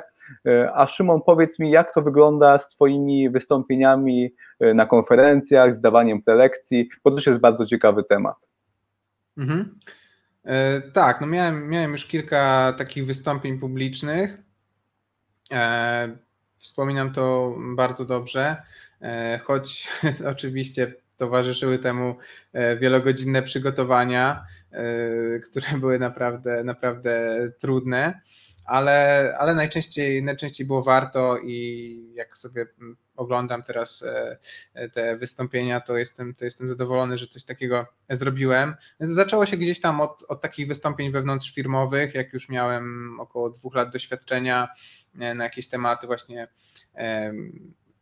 Pierwsze, wystąpienie chyba było o, o, mojej pracy magisterskiej, którą, którą napisałem, tam, tam podsumowywałem e, pewne wnioski. Potem właśnie jak wszedłem w ten e, fullstackowy świat, to, e, to pokazałem właśnie razem z kumplem, weszliśmy w tego Reacta, pokazaliśmy to reszcie firmy i, i, i to było, dlatego myślę, że to jest najlepszy sposób na zaczęcie, jeśli ktoś o tym myśli, żeby po prostu w takich komfortowych warunkach zaprezentować coś osobom, które, które znamy, które raczej nas nie skrytykują, a jeśli nawet to, to w jakiś taki sposób e, przyjacielski, e, albo właśnie dadzą ten feedback cenny, ale, ale mm, bo nie będą się bali, natomiast taki feedback, który, który konstruktywny, który pozwoli nam, nam coś poprawić. A potem, a potem no, no, no ciekawym krokiem jest wyjście już właśnie na meetupy, e, czy, na, czy na konferencje też późniejszym, e, późniejszym, fazie. No myślę, że to jest też coś, co bardzo wpływa na nasz wizerunek. E, te nagrania są publicznie dostępne. Nie dość, że przekazujemy wiedzę, ktoś może z tego skorzystać, no to jeszcze, jeszcze my pokazujemy swoją markę, markę programisty, e, a wkraczamy chyba w taką epokę, że, że każdy, każda osoba, tak naprawdę, każdy specjalista musi mieć e, swój brand, żeby, żeby, się, żeby się liczyć jakoś, nie? Jasne, a powiedz mi, bo ja na przykład nigdy takiego, takiej prelekcji nie dawałem, I gdyby, czy jesteś w stanie tak pokrótce mi powiedzieć, jak się za to zabrać? W sensie wpadam na pomysł, że chcę pogadać na przykład o Angularze i jak od tego pomysłu przejść do realizacji, żeby faktycznie gdzieś tam na scenie mniejszej bądź większej stanąć i, i coś na ten temat powiedzieć. Mhm. Okej, okay. więc tak, to chodzi. Y, na początku mamy wybór tematu, czyli o czym w ogóle chcemy powiedzieć. I tutaj można to sklasyfikować e, na kilka takich kategorii. Jedna kategoria to jest mówienie o jakichś, e, o, o języku programowania, na przykład o jakichś nowych feature'ach, które weszły. Druga kategoria to jest e, prelekcja jakiś, o jakimś narzędziu typu nowy frame, typu framework, biblioteka. Inna kategoria wystąpienia to będzie na przykład opowiedzenie o tym, jak zrealizowaliśmy w naszej firmie jakiś projekt, jakieś ciekawe wyzwanie technologiczne czy biznesowe. E, a jeszcze inny typ to będzie na przykład właśnie coś bardziej miękkiego, czyli właśnie jak sobie na przykład radzić w, w jakichś sytuacjach takich e, w firmie, gdzie musimy przekazać, jak, mm, gdzie musimy się dogadać, jak e, no takie właśnie miękkie aspekty, nie? Czyli jest jakby kilka kategorii, warto się zastanowić, o czym chcemy mówić. I najłatwiejszy rodzaj wystąpienia, moim zdaniem, to jest powiedzenie o jakimś właśnie aspektach języka nowych albo o jakichś nowych narzędziach. Bo jest duża szansa, że mało kto na sali o tym wie i duża szansa, że, że ktoś na tym skorzysta. Czyli jeżeli zaczynamy, to, to najfajniej jest tego rodzaju temat, moim zdaniem, wybrać, mm, bo opowiadanie już na przykład o jakichś doświadczeniach e, z, z, projektu, no to często wymaga, żebyśmy mieli dobre rozeznanie e, szerszego jakiegoś aspektu tego projektu, żeby odpowiedzieć na jakieś pytania, czy, czy w ogóle pozwolenie od firmy na przykład, żeby o tym mówić, czy od klienta, co może być takie triki, e, plus, no plus trzeba mieć coś ciekawego do powiedzenia, no bo wiele projektów jest podobnych i, i, i fajnie móc powiedzieć o czymś, o czymś takim ciekawym. Więc no można też oczywiście temat, temat wysądować, jaki temat, jaki temat jest ciekawy. I mam, mam, mam takiego e, kolegę, który, który ma taki ciekawy sposób, że on się zgłasza na, na konferencję, po prostu nie mając w ogóle e, zero przygotowań e, do, do prelekcji, ale mm, no, konferencja jest, zgłoszenia na konferencję są najczęściej kilka miesięcy wcześniej, więc jest dużo czasu. I po prostu wysyła różne zgłoszenia na różne konferencje z różnymi tematami i patrzy, co jest akceptowane, a co nie. Jeżeli coś jest zaakceptowane, no to znaczy, że organizatorzy stwierdzili, że to jest ciekawy temat, więc on wtedy po prostu dopiero się przygotowuje. I to jest bardzo fajny też sposób, bo, bo pozwala e, na to, żeby, żeby nie robić e, czegoś, co tylko nam się wydaje, że jest ciekawe, tylko już to jest jakiś sposób e, pewien walidacji. Nie? Spoko. To jest takie badanie rynku w tak. najlepszym tego słowa znaczeniu. E, a powiedz mi, e, kojarzę, że gdzieś tam na tych swoich prelekcjach e, często zahaczałeś o temat testów jednostkowych. Wspominaliśmy, że te testy to jest coś, co Ciebie interesuje. No i właśnie skąd to zainteresowanie testami? Kiedy w ogóle zacząłeś jakoś tak w sposób konsekwentny testować swoje oprogramowanie? No mówiłeś, że początki były memowe, przekazywanie softu na pendrive. Jak to się stało, że potem Szymon gdzieś tam zaczął pisać te testy i dbać o tą jakość. Tak, no właśnie pierwszy projekt, już pomijając te praktyki, to pierwsza firma, w której, w której pracowałem już tak e, na poważnie. No nie za bardzo, powiedzmy to, szła w testy automatyczne. E, był taki dział, dział QA-ów, który, który e, od rana do wieczora klikał e, okay. nasz soft i sprawdzał, czy, czy wszystko działa, więc, więc po prostu testów automatycznych za bardzo nie było. To też do pewnego stopnia wynikało z takiego specyficznego frameworka, który był zastosowany, który trochę ciężko może było testować, ale no też jakiejś tam super chęci może do tego nie było. No i tam po prostu jak ileś sytuacji, które właśnie, gdzie jakiś tam refaktoring coś zepsuł, czy, czy jakaś zmiana po nieprzewidzianych konsekwencjach skłoniło mnie do tego, żeby, żeby po prostu ten, ten temat gdzieś tam e, zgłębiać, bo, bo widziałem na konferencjach różnych czy na meetupach wystąpienia, gdzie ludzie opowiadali o tym testowaniu, a dla mnie to była taka trochę czarna magia, no bo z mojego doświadczenia nic takiego nie wynikało. I, i, i pamiętam, że chyba pierwsze takie przymiarki to, to jak pisałem właśnie swój mm, kod do, do, do mojej pracy magisterskiej, to, to, to go dobrze dosyć otestowałem e, i wtedy i wtedy zacząłem na własnej skórze czuć, e, czuć, co to daje.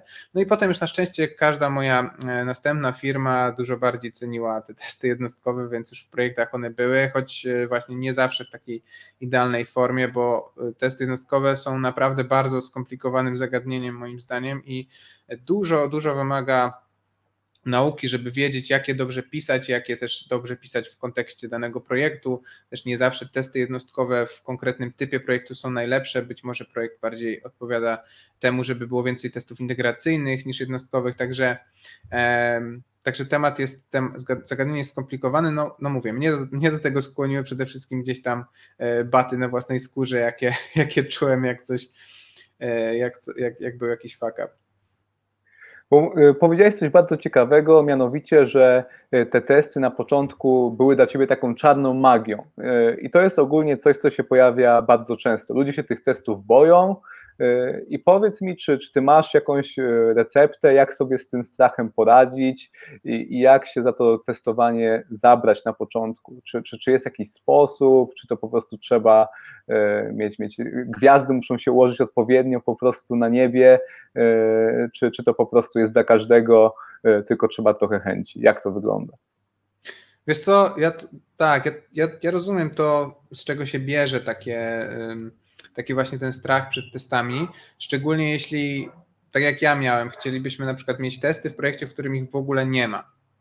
Bo jeśli już są jakieś testy i mamy dopisać nowe, a nawet nie jesteśmy w tym doświadczeni, to zawsze możemy sobie na czymś e, bazować, tak? Ale jeżeli projekt e, w ogóle nie ma testów, to ciężko jest w ogóle zacząć w takim już dużym projekcie, który nie ma testów, bo rolą testów jest e, tak naprawdę chyba najmniejszą rolą testów jednostkowych jest, jest wykrywanie błędów. E, jest, jest wiele innych zalet testów. E, oczywiście to też, ale jest wiele takich ważniejszych zalet testów. I na przykład jedną z najważniejszych jest to, że dobre testy też sterują architekturą całego projektu. Czyli jeżeli piszemy na przykład testy od razu tworząc projekt, to jest duża szansa, że zapobiegniemy na przykład jakimś zbytniemu E, zrastaniu się jakichś e, klas ze sobą czy bytów, e, co powoduje, bo po prostu wtedy trudno jest je przetestować.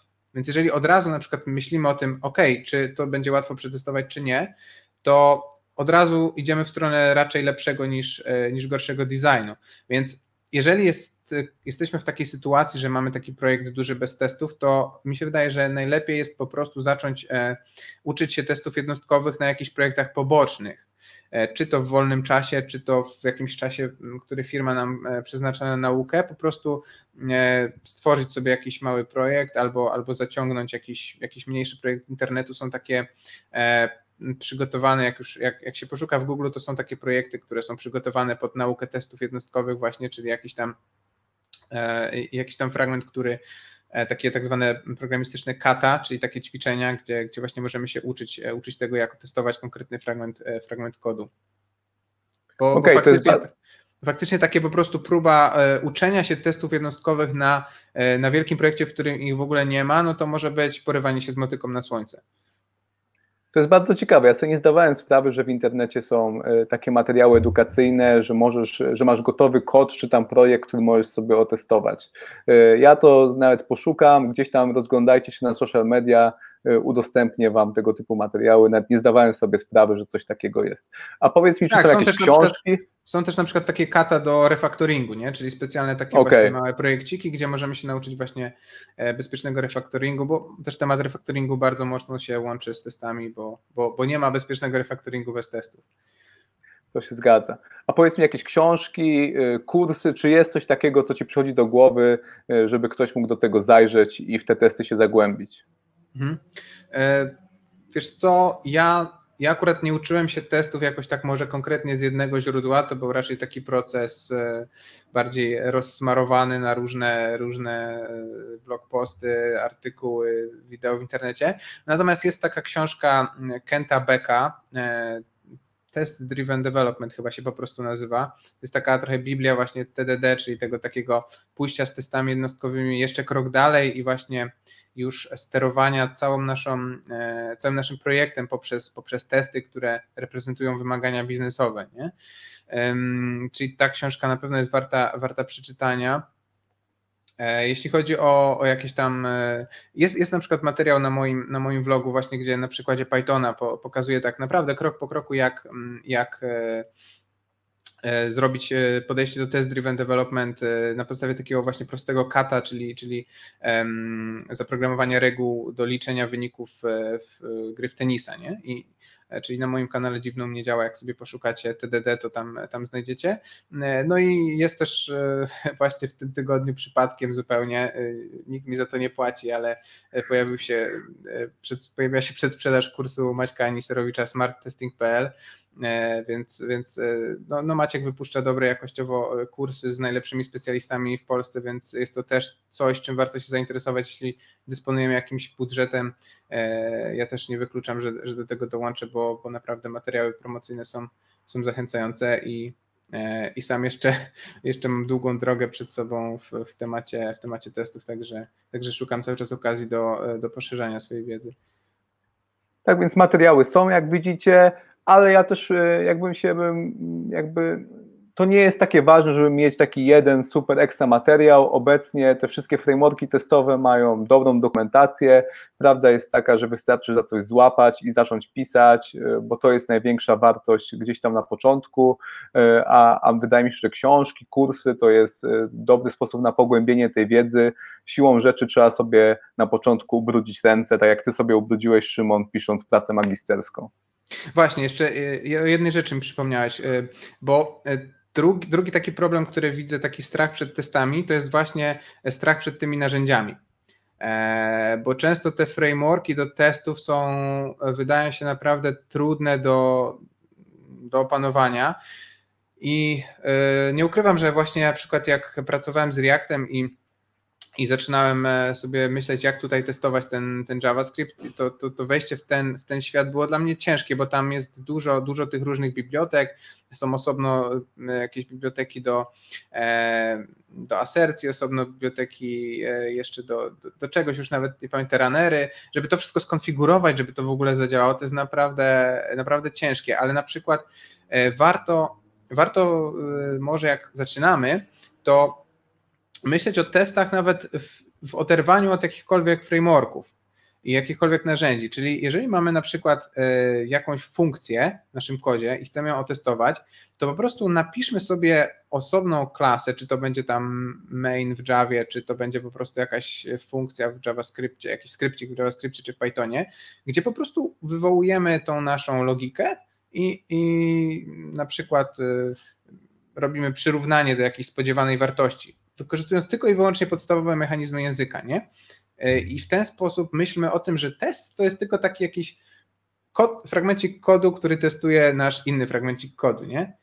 W oderwaniu od jakichkolwiek narzędzi. I to, to pozwoli moim zdaniem na początku trochę w ogóle wejść w to, poczuć ten flow, o co chodzi w testowaniu, E, a jak już to złapiemy, to wtedy można pójść w narzędzia, nie? Bo, bo naprawdę te narzędzia potrafią przytłoczyć, szczególnie jeśli mówimy potem o jakimś mokowaniu, stabowaniu, e, to, to także, także mm, no, to jest taki, taki trik, który gdzieś właśnie przeczytałem i polecam.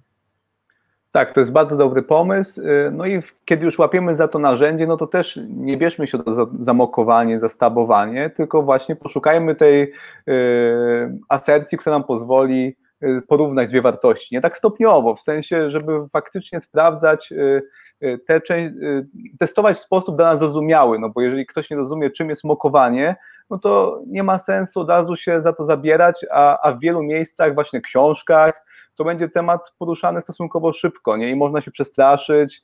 Tam jest dużo tego żargonu y, i, i warto po prostu, tak jak Szymon powiedział, bardzo powoli się za to zabierać, nawet w taki sposób wydawałoby się y, śmiesznie prosty, jak, jak pisanie własnej funkcji do testowania, nie? a dopiero potem szukanie odpowiednika gotowego w jakimś tam naszym frameworku testowym.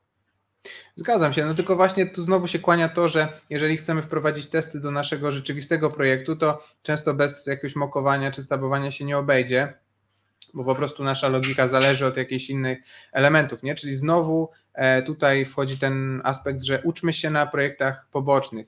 Ja w ogóle tak mówiąc szerzej, taka mała dygresja, to e, niestety trochę jest w IT taki problem, e, tak się czasem o tym mówi, CV-driven development, czyli e, programiści, którzy używają jakichś technologii e, w swoich projektach głównie po to, żeby wpisać je sobie do CV i potem mieć jakiś bonus przy zmianie pracy, ale to powoduje, że często ta technologia jest w ogóle niepotrzebna i jest tylko narzutem dla, dla programistów, którzy potem będą pracować, więc mój w ogóle taki apel jest, że naprawdę lepiej będzie dla każdego programisty i też dla dla tych, którzy się uczą czegoś i dla tych, którzy utrzymują faktyczne projekty, żebyśmy się starali uczyć rzeczy na, w jakiejś izolacji, właśnie na takich małych projekcikach, a nie na produkcji. To jest, to jest bardzo dobra rada. E, myślę, że najlepiej człowiek ją zrozumie, jak przyjmuje jakiś projekt, gdzie tam właśnie jakaś dziwna technologia się znikąd pojawia. E, no, najczęściej dopiero wtedy człowiek rozumie, dlaczego to jest zły pomysł, niestety. E, ale no, te projekty poboczne to jest mega wartość w przypadku nauki testowania również. Dobra, Szymon, mamy jeszcze ten ostatni temat, ten nasz deser a mianowicie jest to zdrowie w życiu programisty. E, no, Powiedz to chyba, mi... to chyba deser bez cukru, jak zdrowie. Tak, deser wegański, jakiś deser sobie, sobie zjemy. Powiedz mi e, tak na, na wstępie, co ty w ogóle uważasz na temat tego zdrowia? Czy to jest temat, który e, w IT jest jakby odpowiednio często dyskutowany, czy, czy poziom wiedzy takiego przeciętnego programisty na ten temat jest odpowiedni, y, czy jednak y, musimy nad tym jeszcze trochę popracować? Jak to wygląda? E, jeszcze tylko przepraszam, bo jedna rzecz mi się przypomniała a propos materiałów do testowania, jest jeszcze e, szkoła testów.pl, Oli Kunysz, e, Ole też warto śledzić w social mediach, bo bym zapomniał, też bardzo, bardzo fajnie mówi o, o testach, także e, sorry Ola za, za pominięcie wcześniej. E, a jeśli chodzi o zdrowie, wiesz co, ten temat, e, dlaczego, dlaczego ja trochę o tym mówiłem właśnie w, też w swoich materiałach, bo wydaje mi się, że o tym się trochę zaczyna może mówić, ale jeszcze jest dużo, dużo do zrobienia w tym temacie, dlatego że nasza, jaki jest problem szczególnie w pracy programistycznej, jeśli chodzi o zdrowie? Dwa podstawowe problemy to jest to, że siedzimy i to, że patrzymy się długo w ekran. E, co właśnie teraz robię od ponad godziny. Ja również, ja również. Ale e, generalnie dlaczego to jest problem? No e, wiadomo, że mówi się tak powszechnie, że siedzenie to jest palenie XXI wieku. Nie? Czyli, czyli to jest naprawdę coś, co wydaje się dosyć niewinne, ale jest dla nas bardzo druzgocące dla naszego zdrowia, jak się, jak się o tym pomyśli. A z kolei jeśli chodzi o patrzenie się długo w ekran, no to jest ten problem, że my jako E, gatunek, e, nasze oczy nie wyewoluowały do tego, żeby siedzieć 12 e, czy 16 godzin przed ekranem, który jest, nie wiem, 70 centymetrów od naszych oczu, tylko mm, do tego, żeby patrzeć gdzieś w dal, tak, tropić zwierzynę, czy jakieś zagrożenie w oddali, a tylko, tylko czasem spojrzeć bliżej, nie? Czyli te proporcje zostały w dzisiejszym świecie mocno zachwiane. No i to, i to, i to ma problem już, to ma wpływ na zdrowie wielu osób i będzie miało pewnie jeszcze coraz większy. Dlatego to są takie dwa główne problemy, a są naprawdę proste sposoby, żeby, żeby sobie z tym, e, z tym radzić. Też dlatego chcę o tym mówić.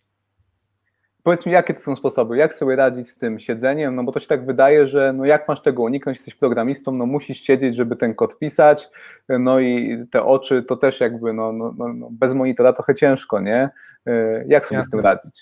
Wiesz co, no, może nie będę tego robił teraz, bo mam tutaj cały setup, ale generalnie e, zainwestowałem jakiś czas temu e, w biurko o regulowanej wysokości, przy którym mogę pracować na stojąco i to jest dla mnie game changer naprawdę, bo E, przy takim biurku nie tylko mogę mieć też, nie tylko mogę mieć optymalną pozycję, e, mogę mieć optymalną pozycję siedzącą, bo mogę też mój blat obniżyć tak, żeby e, wiesz, moje ręce były po prostu zgięte w ramionach 90 stopni i żebym ja mógł być wyprostowany, a nie w ten sposób zgarbiony na przykład przy laptopie, co czasem przy nieregulowanych biurkach może mieć miejsce, ale po drugie mogę właśnie pracować na stojąco i to jest, to jest naprawdę dla mnie rewelacja. Nie tylko dlatego, że mogę stać i pracować, ale ja już zauważyłem, pracując tak od e, kilku miesięcy, już ponad pół roku tak naprawdę, że e, jeżeli stoimy, to jest też dużo łatwiej wykonywać jakieś różne takie e, ruchy, czyli sobie pójść parę kroków w prawo, w lewo, jeśli mamy jakiegoś kola na przykład, akurat e, tylko wystarczy, że słuchamy, albo jeżeli koduję, mam jakiś problem, chcę się zastanowić, to sobie podchodzę do okna, na przykład, wiesz, jest dużo mniejsza bariera niż jak siedzę, bo jak siedzę, to jeszcze im bardziej wygodny fotel, im bardziej ergonomiczny, to jest taka pułapka tak naprawdę, bo wtedy e, się wygodnie siedzi, więc sobie w niego się zapadamy i już się w ogóle nie ruszamy, nie? A klucz jest, e, kluczem jest to, żeby właśnie regularnie robić ten ruch, czyli nawet jeśli nie mamy takiej możliwości, żeby pracować przy tym biurko stojącym, e, na stojąco, to jednak ważne jest, żeby co te na przykład pół godziny wstać, przejść się, e, czy nawet, żeby siedząc zmieniać swoje pozycje, żeby po prostu inne grupy mięśni pracowały, żebyśmy no po prostu e, nie, nie rozdoniwiali tych naszych mięśni. A powiedz mi, czy ty masz jakąś rutynę co do tego, jak często stoisz przy biurku? Ja też mam biurko stojące i mam taki problem, że się zastanawiam, jak często stać. Y, głównie robię to rano przez pierwsze tam kilka godzin, potem już się trochę zmęczę i siadam. I tak się zastanawiam, że to chyba nie jest optymalne podejście. Masz to jakoś lepiej rozkminione? Jakoś po prostu robisz switch, raz stajesz, raz siedzisz? Jak, to, jak do tego podchodzisz? Wiesz to trochę różnie. Y, przez pewien czas stosowałem takie podejście, że e, często stosuję e, aplikację do Pomodoro, e, okay. kiedy pracuję, czyli po prostu mówisz 25 minut pracy, 5 minut przerwy i po prostu na zmianę. Każde Pomodoro to, to było na zmianę stanie i siedzenie, nie? E, oczywiście jak na początku, jak miałem to biurko, to, to nie byłem w stanie tak długo stać w ciągu dnia, bo po prostu mięśnie nie były do tego przyzwyczajone, ale z czasem one się też wzmacniały, więc, więc z każdym miesiącem byłem w stanie e, coraz dłużej stać. Nie? Więc to jest taki jeden sposób. E, a drugi sposób, który jest na przykład polecany właśnie, e, bo, bo dużo informacji na ten temat też czerpię z takiego mailingu zdrowyprogramista.pl, który polecam. Alicja i Szymon e, bodajże właśnie dzielą się tam fajnymi, fajnymi bardzo radami. E, I, i kiedy ja właśnie przymierzałem się do zakupu e, ergonomicznego fotela, który myślałem, że będzie dla mnie zdrowszy, to właśnie wtedy przyszedł mail, w którym był, była właśnie informacja, że im bardziej ergonomiczny fotel, tym gorzej tak naprawdę i że lepiej siedzieć okay. na jak najprostszym fotelu czy krześle. I ja naprawdę przez miesiąc około siedziałem na takim zwykłym krześle, tam Stefan za 7 dych z Ikei, nie? Takie po prostu twarde krzesło. I to jest super, bo po, po 25 minutach naprawdę tak mnie bolał tyłek, że ja już nie byłem w stanie dłużej siedzieć i musiałem wstać, musiałem podnieść to biurko, nie? Więc jakby e, sama no, niewygoda siedzenia wymuszała to, że, to, że wstawałem. To jest bardzo ciekawy patent, ja też to zastosuję, bo nie ukrywam, że czasami w tym fotelu tam się zatopię, jakiś tam flow wchodzi i, i tak trzy godziny mijają, ja mówię, kurczę, tyle nie wstawałem z tego biurka. E, takie krzesło kuchenne to jest dobry patent e, i też uchroniłeś mnie przed zakupem jeszcze lepszego fotela, bo tak się zastanawiam, a może lepszy fotel byłby dobrym pomysłem, e, no to sobie chyba to odpuszczę. I ten temat z Pomodoro, żeby przeplatać, też bardzo dobry, ja również tą technikę stosuję, więc jak najbardziej będę z tego korzystał. A powiedz mi, e, jakie masz biurko, Szymon? Możesz powiedzieć, co tam sobie kupiłeś? Tak, ja mam, ja mam biurko akurat. E, ja chciałem, żeby to było biurko elektryczne, a nie na korbkę, bo najtańsze są te na korbkę, ale po prostu. E, przymierzyłem sobie kiedyś w Ikei, jak, się, jak długo trzeba kręcić tą korbką, żeby to biurko zmieniło swoją pozycję, na przykład siedzącej do stojącej i to niestety stwierdziłem, że będzie mnie to zniechęcało do, do, więc ono nie będzie używane we mnie, wiesz, naprzemiennie w tych różnych e, pozycjach, więc po prostu zainwestowałem w tego, to się chyba Backhand nazywa, e, z Ikei, chyba bodajże 1500 zł kosztuje. E, mogę polecić to biurko, jest, jest fajne, lekkie, nie jest, troszeczkę się trzęsie, jak ktoś ma tak, że, że pisze na przykład na klawiaturze trzymając nadgarstki na, na biurku, no to faktycznie ono może się troszeczkę trząść. Ja raczej mam właśnie nadgarstki oparte albo o przepraszam, łokcie mam oparte o podłokietniki, więc nadgarstki mam w powietrzu, co, co też właśnie e, jest nieintuicyjne, ale podobno jest bardziej ergonomiczne niż na przykład podkładka pod nadgarstki, e, albo po prostu w ręczach stoję, to mam te nadgarstki w powietrzu, nie? więc nie mam tego problemu. Ono też jest łatwe do przesunięcia, gdzieś jest bardzo leciutkie. No ale są trochę droższe, biurka są z takiego litego drewna, które faktycznie jest e, odporne na jakieś wstrząsy, no ale ciężej, ciężej się, się gdzieś tam przemieszcza. Okej, okay, no ja na przykład mam to biurko z korbką z Ikei, to się chyba Skarsta nazywa i, i powiem Ci, że z jednej strony masz rację, to jest irytujące, że tam trzeba kręcić, to trochę trwa, ale z drugiej strony to mnie zniechęca, żeby usiąść. Jak już y, to, to biurko sobie y, postawię, to potem przez te 2-3 godziny nie chce mi się go po prostu obniżać, więc, więc na rano to jest, to jest fajne, bo dzięki temu stoję, bo jestem leniwym człowiekiem i po prostu nie chcę mi się tym kręcić, ale fakt faktem później już to działa w drugą stronę, jak raz obniżę, to, to ciężko się podnieść. To jest niezłe, to jest niezłe, choć trzeba też pamiętać, że jeżeli za długo stoisz, to możesz mieć tak naprawdę można mieć tendencję do tego, żeby na przykład zacząć się opierać o biurko, też garbić przy nim, bo wiesz, ok, nie chcesz się usiąść, ale już twoje mięśnie trochę nie wytrzymują takiego stania, wiesz, wyprostowanej pozycji. I to właśnie paradoksalnie też może być e, negatywne, bo, bo stać też trzeba umieć, nie? Więc, e, nie, więc to też jest, e, są plusy i minusy, ale no, na, nawet sam fakt, że kręcisz i że to jest też taki ruch, to też jest fajne, bo właśnie generalnie bardzo ważne jest w całym tym podejściu do zdrowia, żeby mieć żeby mieć dużo takiego spontanicznego ruchu w ciągu dnia. To jest też coś, co gdzieś tam wydaje mi się w takim ogólnie wytycznych różnych, e, różnych e, dietetyków czy, czy, czy trenerów się, się trochę zmieniło, że bardzo ważne, przynajmniej do mnie taki przekaz dociera z wielu miejsc, że bardzo ważna jest taka ta spontaniczna aktywność ruchowa w ciągu dnia.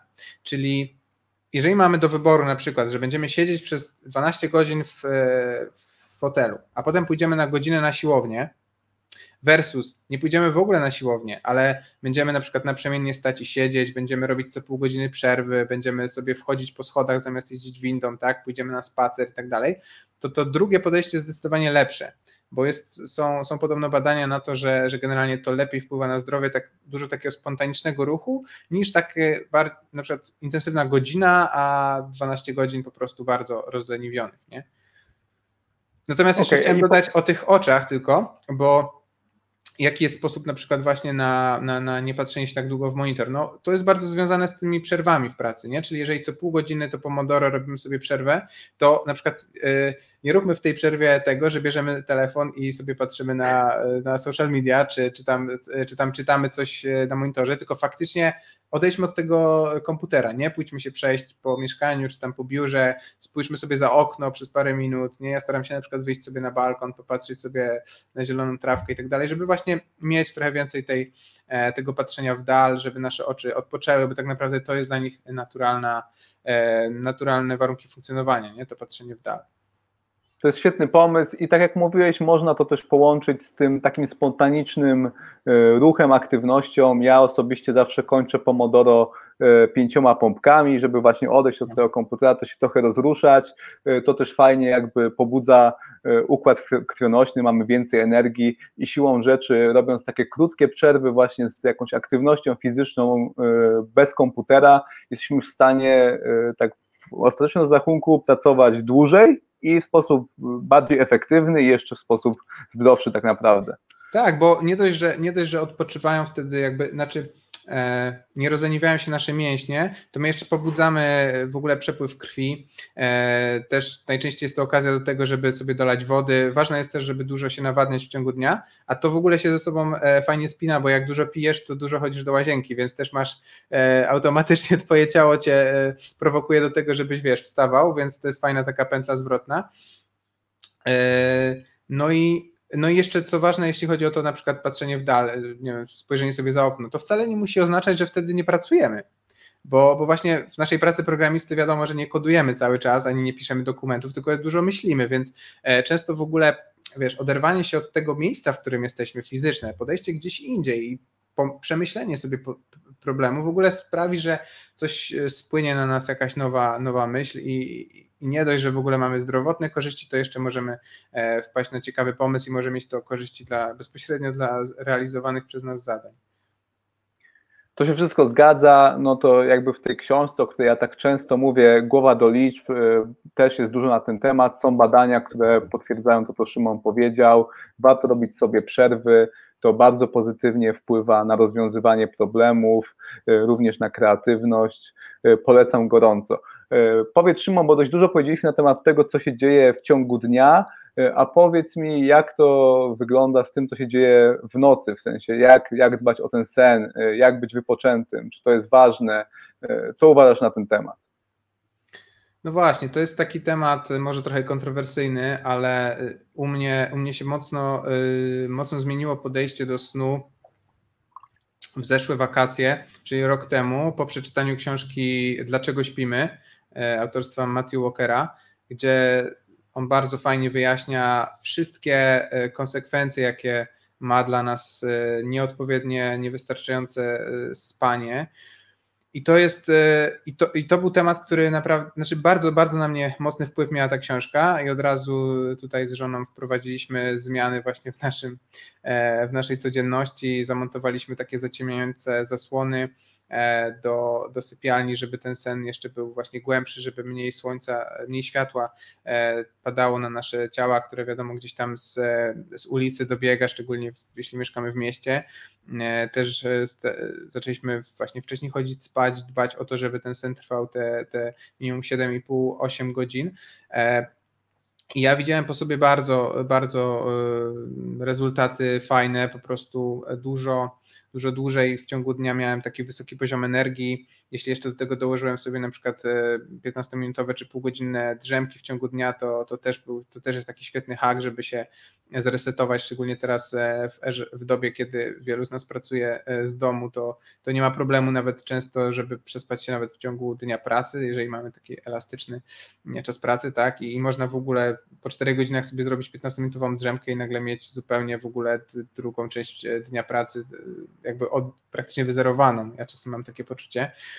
E, no właśnie, ale z tym snem jest często tak, że to bagatelizujemy. Ja to też bagatelizowałem w przeszłości, bo i to, I to właśnie też jest w tej książce wyjaśnione, że y, niestety problem jest taki, że nasz organizm trochę wyewoluował do tego, jako taki mechanizm obronny, że my nawet nie czujemy, jak bardzo jesteśmy niewyspani.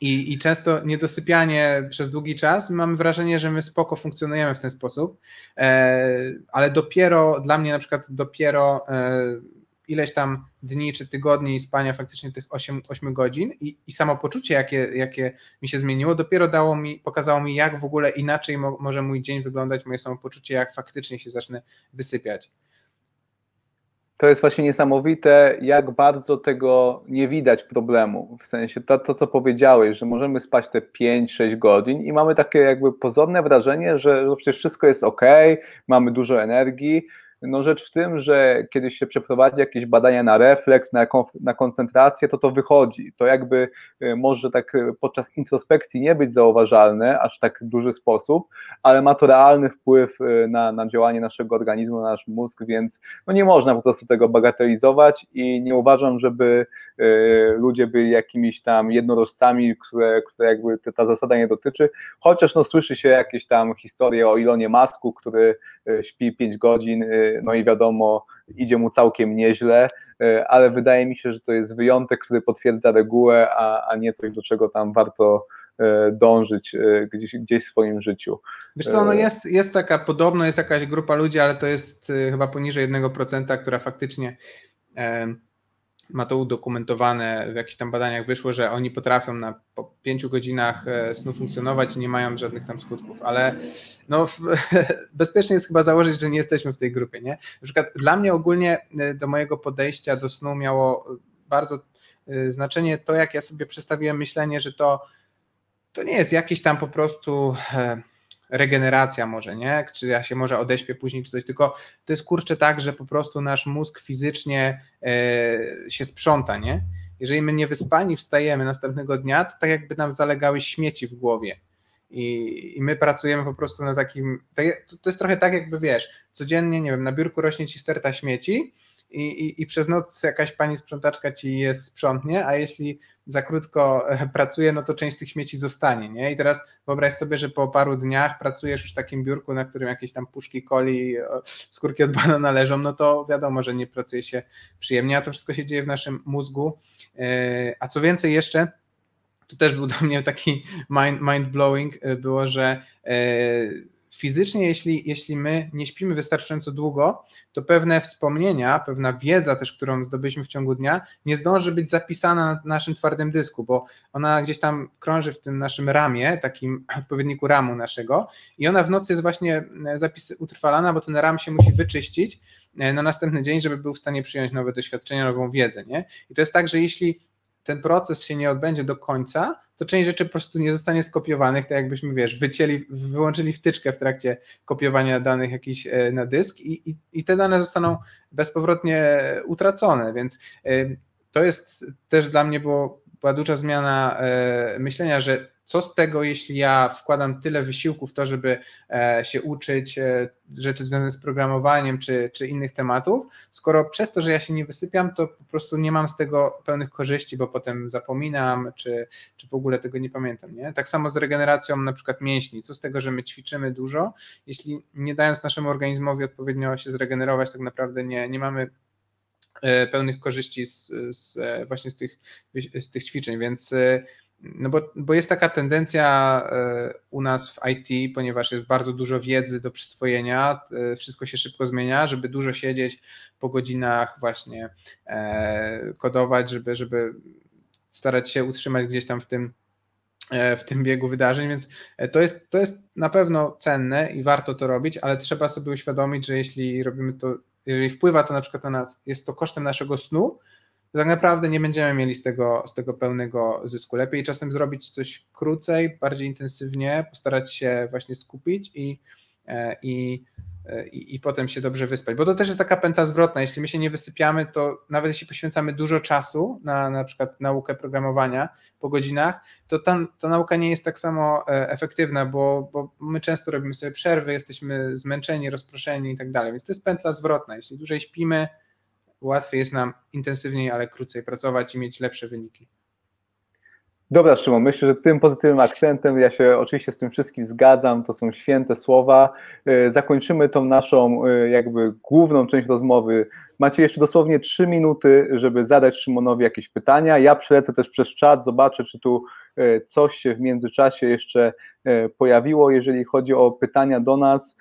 Było pytanie, czy materiał będzie dostępny do późniejszego odtworzenia. Tak, już zaraz, kiedy skończymy transmisję, będzie to można obejrzeć i na YouTubie, i na Facebooku.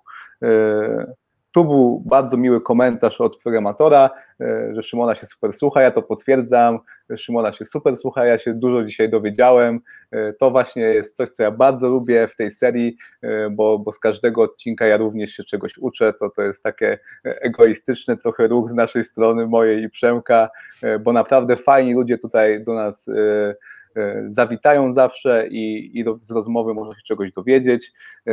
Tak więc cieszę się, że to również dla Was było E, wartościowe. E, tutaj również jest e, kolejna rekomendacja biurka z IKEA. Ogólnie rzecz biorąc, to już wszystko zależy od tego, jaki mamy budżet.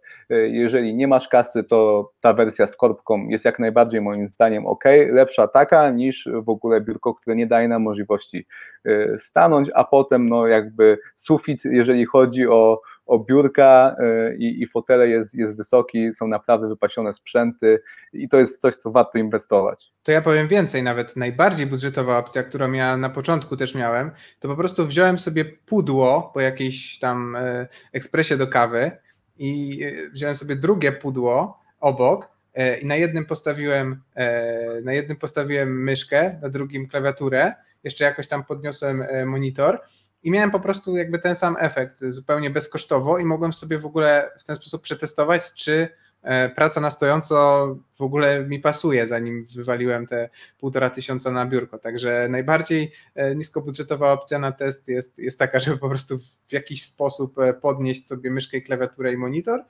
i w, te, i w ten sposób zacząć pracę. Polecam, zwłaszcza to jest taka opcja studencka, albo właśnie kiedy jeszcze nie wiemy, czy to jest dla nas Warto, naprawdę warto. E, dobra, Szymon, e, pytań póki co nie ma. Widać, że po prostu powiedziałeś e, wszystko z miejsca, bez dodatkowych jakichś wątpliwości ze strony widzów. Powiedz, Szymon, gdzie Cię można znaleźć w internecie, jak ktoś chce więcej Ciebie posłuchać albo wejść z Tobą w jakąś interakcję. Jasne. No takim, e, taką stroną domową jest e, umniedziała.com bez, bez polskich znaków.